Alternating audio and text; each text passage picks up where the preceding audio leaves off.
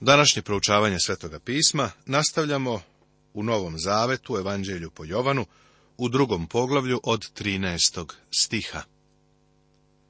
Isus čisti hram za vreme Pashe u Jerusalimu. Prva reč. I beže blizu Pasha judejska, te ode Isus gore u Jerusalim. Ovde imamo još jednu geografsku tačku. Pošao je iz Kane Galilejske, otišao u Kafarnaum, a sada je u Jerusalimu. Zapazi da Jovan ovu svetkovinu naziva pashom judejskom. To više nije bila gospodnja pasha, kao što je zapisano u drugoj knjizi Mojsijevoj. Sada je to judejska pasha, prosto jedna religiozna gozba, prilično besmislena, tek ritual koji treba obaviti. Sada dolazi onaj o kome pasha govori jer i Hristos je, kao naše pashalno jagnje, prinet na žrtvu. Gospod je otišao u Jerusalim. Ovo nije bilo na početku njegove javne službe, nego verovatno na kraju prve godine. Od svih muškaraca se zahtevalo da idu u Jerusalim tri puta godišnje, u vreme pashalne svetkovine, u vreme Pentekosta i praznika Senica. Isus je otišao na praznik Pashe, koji je bio oko 14. aprila. Vidiš ponovo kako nas Jovan obaveštava o geografiji i kalendaru. Sada vidimo kako Isus čisti hram. Učinio je to dva puta. Jedno očišćenje je bilo na početku njegove službe, a jedno na kraju. I nađe prodavce volova, ovaca, golubova i menjače novca, kako sede u hramu. Prodavali su životinje, golubove i menjali novce. Vrlo je zanimljivo da nisu htjeli da prime jednu drugu vrstu novca. Tu nikakav drugi novac nije mogao da se koristi i primi. Zato su imali menjačnicu, pa su dobro zarađivali menjajući pare. Kada sam se preizvesnog vremena vratio iz Venecuele, došao sam sa njihovim novcem, kojeg sam teo da se oslobodim, jer ih ovdje nisam mogao upotrebiti. Na aerodromu je bila menjačnica, pa sam tamo otišao i kazao da te pare želim da zamenim za neke druge. Veruj mi, prijatelju, nisam dobio onoliko koliko sam u prvoj zameni, odnosno kada sam svoj novac menjao za venecuelanski. Vidiš, to isto su radili u hramu. Zašto su imali takav sistem? Zašto su to radili? Jer su religiju činili lagodnom i slobodnom. Uzet rimski novac, koji je imao na sebi Cezare lik i otisak paganstva, menjali su ga za judejski novac, koji se onda mogao koristiti u hramu. Tako bili su tamo radi olakšica onih koji su dolazili na bogosluženje. Menjali su također velike kovanice u male. Ne samo da su religiju činili lagodnom, nego i jeftinom. Shvatam da ne treba da prenaglašavamo novac u crkvi i da ne treba da se molimo za novac, ali reći ću ti nešto što je mnogo teže od toga. Neki ljudi crkvu i ono što je Hristovo tretiraju kao nešto tako jeftino, da povremeno postaje neophodno da se problem alarmira. Također su prodavali životinje. Tu je bio veliki promet životinja koje su se prinosile na žrtvu. Bio je potreban i rad i trošak da bi se te životinje, ovce i goveda podigli. Zato je neko to morao da radi za novac. Zato je bilo vrlo jednostavno da sve ovo postane religiozna zamka. Danas i mi imamo sličan problem. Tada načini bić od uzica i izagna sve iz hrama i ovce i volove, menjačima prosu novce i ispretura stolove, a onima što u golubove reče, nosite to odavde, ne činite od doma oca moga kuću trgovačku. Setiše se njegovi učenici da je napisano, revnost za tvoj dom poješće me. Kažem ti da je gospod bio oštar, nema spora oko toga. Ne sviđaju mi se slike anemičnog Isusa, izgleda da umetnici ne razumeju kakav je on bio. Učenici su se setili stiha iz psalma 69. Ovaj psalam je 17 puta citiran u Novom Zavetu, a jedan je od šest najčešće citiranih psalama u Novom Zavetu. Ponovo se citira u Jovanu u 15. poglavlju, pa onda u 19. Evo i ostalih psalama koji su često navođeni. Psalam 2, 22, 89, 110, Isto 118. Tada prozboriše judeji i rekoše mu, Kojim znakom nam dokazuješ to što činiš? Odgovori Isus i reče im, srušite ovaj hram, pa ću ga za tri dana podići. Reč koju je koristio za srušiti jeste luo, što znači razvezati. On naravno govori o svom ljudskom telu. Onda rekoše judeji, za šest godina sagrađen je ovaj hram, a ti ćeš ga podići za tri dana. U to vreme hram je bio Irodov. Još uvek je bio u procesu izgradnje, a već se zidao 46 godina. Ovde postoji specifična upotreba reči na grčkom jeziku i želeo bih da to uvidiš. U stihovima 14. i 15. gde se govori o tome kako je Isus očistio hram, za hram se koristi reč hieron, koja govori o hramu kao celini. Da budemo određeniji, Isus je očistio spoljašnji dvor oko hrama. Reč koju Isus upotrebljava u 19. stihu, a judeji ponavljaju u 20. stihu, jeste naos, koja govori o unatrošnjoj svetinji hrama. Ova reč se može upotrebiti i u smislu tela, kao što apostol Pavli čini u prvoj poslanici Korinčanim u šestom poglavlju, kad kaže da danas svetinja nije hram sačinjen ljudskim rukama, nego da je naše telo hram, naos, duha svetoga. Jevreji su pitali gospoda da li je stvarno mislio da kaže da će srušiti hram, ali je gospod naravno mislio na hram svoga tela. No, on je govorio o hramu svoga tela. Isus je rekao da ako sruše hram, on će ga podići reč koju je upotrebio jeste egeiro, a tu reč Jovan upotrebljava pet puta u svom evanđelju. Ona u stvari znači probuditi, a svaki put kada se reč koristi odnosi se na buđenje iz mrtvih. Pavle je istu reč i to četiri puta upotrebio u propovedi u Antiohiji Pisidijskoj. Odnosi se na Hristovo vaskrsenje, kao i na vaskrsenje vernika. Upotrebljena je i u vezi sa obnovljenjem Lazarevog života. Bilo je to buđenje. To je slika koju dobijamo iz reči Egeiro. Upravo to je Isus i mislio kada je govorio o hramu svoga tela. Ali njegovi učenici to nisu razumeli, a to je trajalo sve do posle Hristovog vaskrsenja, kada su se toga setili. Kada je pak vaskrsao iz mrtvih, setiše se njegovi učenici da je to rekao pa poverovaše pismu i reči koju je Isus izgovorio. Isus razgovara sa Nikodimom u Jerusalimu. Druga reč. Sada dolazimo do nečega što je vrlo zanimljivo. U stvari, trebalo bi da čitamo od stiha 23. pa sve do trećeg poglavlja, gde nalazimo priču o Nikodimu. Sve ovo se zbilo u Jerusalimu u toku Pashe. A kada je bio u Jerusalimu o prazniku Pashe, mnogi poverovaše u njegovo ime, gledajući njegova čuda koja je činio. Mnogo ljudi ovo čita i kaže, čoveče, zašto nije divno što su ljudi verovali u njega? Ali nije bilo divno, prijatelju, jer njihova vera uopšte nije bila spasavajuća. Oni su se samo slagali i odobravali mu kada su vidjeli čuda koja je on činio. Obrati pažnju na ono što sledi. Sam Isus nije im se poveravao, zato što je on sve poznavao i nije imao potrebe da ko svedoči za čovek, jer je sam znao šta beše u čoveku. Jezik koji je ovdje upotrebljen govori nam da on njima nije verovao. Vidiš, oni su u njega verovali, ali on u njih nije. Drugim rečima, govoreći iskreno, njihova vera nije bila spasavajuća, što je on naravno shvatio. Znao je šta je bilo u njihovim srcima. Ovo je i danas smrtna opasnost za one koji kažu da veruju u Isusa. Šta misliš po tim kada kažeš da veruješ u Isusa? Hoćeš li da kažeš da veruješ u podatke iznesene u evanđeljima? Ovo je važno pitanje. Da li si se pouzdao u njega kao spasitelja koji je umro za tvoje grehe? Da li je ustao za tvoje opravdanje? Da li je on jedina nada da ćeš doći u nebo? Ova gomila ljudi je bila zainteresovana, a kada su ga vidjeli kako čini čuda, verovali su. Morali su, vidjeli su čuda. Ali Isus nije njima verovao.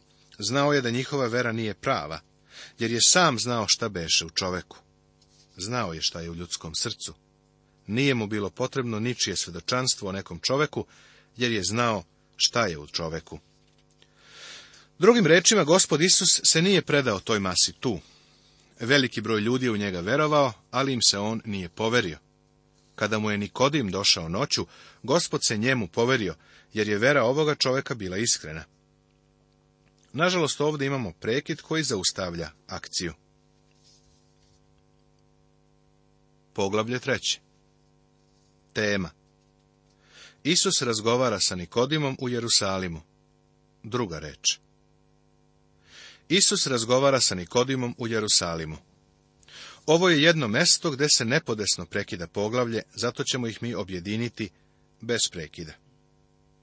Sam Isus nije im se poveravao, zato što je on sve poznavao i nije imao potrebe da ko svedoči za čoveka, jer je sam znao šta beše u čoveku. A beše među farisejima čovek po imenu Nikodim, starešina judejski. Ovaj čovek je bio izdvojen od ostalog naroda. Naš gospod nije imao poverenje u mnoštvo naroda, jer je znao da njihova vera nije istinska. Ali ovaj čovek, Nikodim, je bio iskren. Hajde da se upoznamo sa njim. O njemu su ovdje izrečene tri stvari. Prva stvar je da je bio farisej. To znači da je pripadao najboljoj grupi u Izraelu. Oni su verovali u nadahnuće staroga zaveta, verovali su u dolazak Mesije, verovali su u čuda kao i u vaskrsenje. On je bio jedan od fariseja i zvao se Nikodim, njegovo ime se navodi. Pored toga, bio je judejski starešina. Ovo nam govori o tri maske koje je nosio. Ovo je slika savremenog čoveka, ako ga je tada bilo. Nikodim je bio jedan od fariseja kada se susretao sa njima. Kada je bio u njihovoj sredini, bio je prosto jedan od njih. Manje ili više se držao na oprezu. A onda, kada bi od fariseja izašao na ulicu, ljudi bi ga vidjeli kako dolazi, pa bi mu se sklanjali sa puta. On bi nosio svoj plašt i molitveno remenje i molitvenu maramu, a ljudi bi govorili, pogledaj, ovo je starešina Nikodim. To je jedan istaknuti čovjek, on je judejski starešina. Tada bi on prema njima zauzimao potpuno drugačiji stav. Ali zvao se Nikodim, pa je ispod tih maski koje je nosio bio samo obični stari Niki. I danas imamo ljude koji ovako žive. Mnogo je poslovnih ljudi i predsjednika korporacija. Takav čovek odlazi u kancelariju ujutro, a oni koji rade sa njim na poslu zovu ga gospodine. Klanjaju mu se, ugađaju mu. Iako misle da ga poznaju, to nije istina. Zatim on ide iz kancelarije, tog jutra susretne nekoliko svojih korisnika, a kada ga pitaju za posao, on odgovara posao sjajno napreduje. Potom u podne odlazi u svoj klub na ručak. Onog trenutka kad uđe u klub, postaje drugi čovek. On više nije taj i taj, gospodin, predsjednik korporacije, nego je prosto obični stari pera Perić. Tu sa njim igraju golf, misle da ga poznaju, zovu ga po imenu. Prema njima zauzima drugačiji stav, ovo je jedan drugačiji odnos. Pitaju ga za posao i kaže, pa posao sjajno napreduje. Zatim uveče kada se završi radni dan, on odlazi kući. Otvara vrata svoje kuće, ulazi, skida kaput, spušta se u fotelju. Sasvim drugačiji čovek. Dolazi njegova supruga, posmatra ga dok sedi utučen, jer su oboje skinuli maski. On više nije poslovni čovek, glava korporacije, nije više jedan od momaka iz kluba, sad je samo stari obični pera. Supruga ga pita, šta je bilo? Zar posao ide loše? On odgovara, posao je baš truo. Ovo je onaj pravi on. Ovaj dođe Isusu noću i reče mu, Ravi, znamo da si ti kao učitelj došao od Boga, jer niko ne može da čini ova čuda koja ti činiš, ako Bog nije sa njim. Ovaj čovjek Nikodim sa maskom dolazi kod gospoda Isusa. Kaže mu, znamo. Ko to zna? Fariseji. On dolazi kao farisej, on nosi tu masku dolazi sa pravim komplimentom, nije licemer. Kaže ovako, mi fariseji smo se složili da ti jesi učitelj koji dolazi od Boga. Misli da je došao da razgovara o carstvu Božijem. Fariseji su želeli da uspostave carstvo i da zbace sa sebe jaram Rima, ali nisu imali načina za to. Sada dolazi onaj koji je popularan. Mnoštva ga slede gde god da ide, pa fariseji žele da svoj mali vagon prikače na njegovu zvezdu. Isus dolazi gore iz Galileje, a oni misle da on ne zna kako da postupa sa mudrim političarima kao što oni znaju. Zato žele da udruže snage, tako? Nikodim dolazi, priznajući da Isus jeste učitelj, došao od Boga. Dokaz na koji on ukazuje jesu čuda koje je Isus učinio. On je morao da ih prizna i uvaži. Voleo bih da uočiš da niko nije sumnjao u Isusova čuda u to vrijeme. Treba da budeš profesor teološkog fakulteta u današnje vreme, posle 2000 godina i nekoliko hiljada kilometara udaljen od zemlje u kojoj se sve to dešavalo, i tek onda da sumnjaš u ta čuda. Ali nećeš naći da su u Isusova čuda sumnjali ni njegovi prijatelji, kao ni neprijatelji. Odgovori Isusi rečemo, Zaista, zaista kažem ti, ako se ko ne rodi od ozgo, ne može vidjeti carstva Božija. Mislim da je iz ovoga razloga Nikodim došao da razgovara o Božijem carstvu. Ne vidim nikakav drugi razlog zbog kojeg bi ga gospod skoro grubo prekinuo i rekao, stvar je u tome što carstvo Božije ne možeš ni da vidiš, ukoliko se ne rodiš na novo. I sada, evo čoveka fariseja, koji je religiozan u celosti, a ipak mu gospod govori da ne može vidjeti carstva Božjega, ukoliko se na novo ne rodi. Ako je ovaj čovjek došao da razgovara o carstvu i njegovom uspostavljanju, a mislim da jeste, onda ga je Isusov odgovor skrenuo sa puta. Sada on baca masku čoveka fariseja, ali i dalje ostaje judejski starešina. Reče mu Nikodim, kako može čovek da se rodi kad je star? Zar može po drugi put da uđe u utrobu svoje majke i da se rodi? Isus mu je rekao da mora da se nanovo rodi. Grčka reč za nanovo je anoten, što znači od gore. Nikodim se nije mogao setiti ničeg drugog osim fizičkog rođenja. Odmah je odbacio svoju prijatnu farisejsku masku i upitao kako je to moguće. Međutim, gospod uopšte nije govorio o fizičkom rođenju. Govorio je o duhovnom rođenju. Ali Nikodim nije uspeo da shvati duhovno rođenje. Razlog je bio taj što nije imao duhovne sposobnosti da to razume. Odgovor Isus. Zaista, zaista kažem ti, ako se ko ne rodi vodom i duhom, ne može ući u carstvo Božije. Šta to znači biti rođen vodom i duhom? Ima onih koji misle da biti rođen vodom upućuje na vodeno krštenje.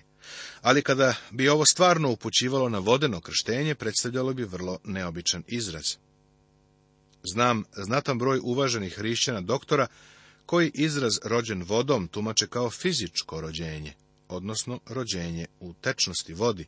Dete u utrobi je u vodi. Ne vjerujem da se ovdje na ovo mislilo.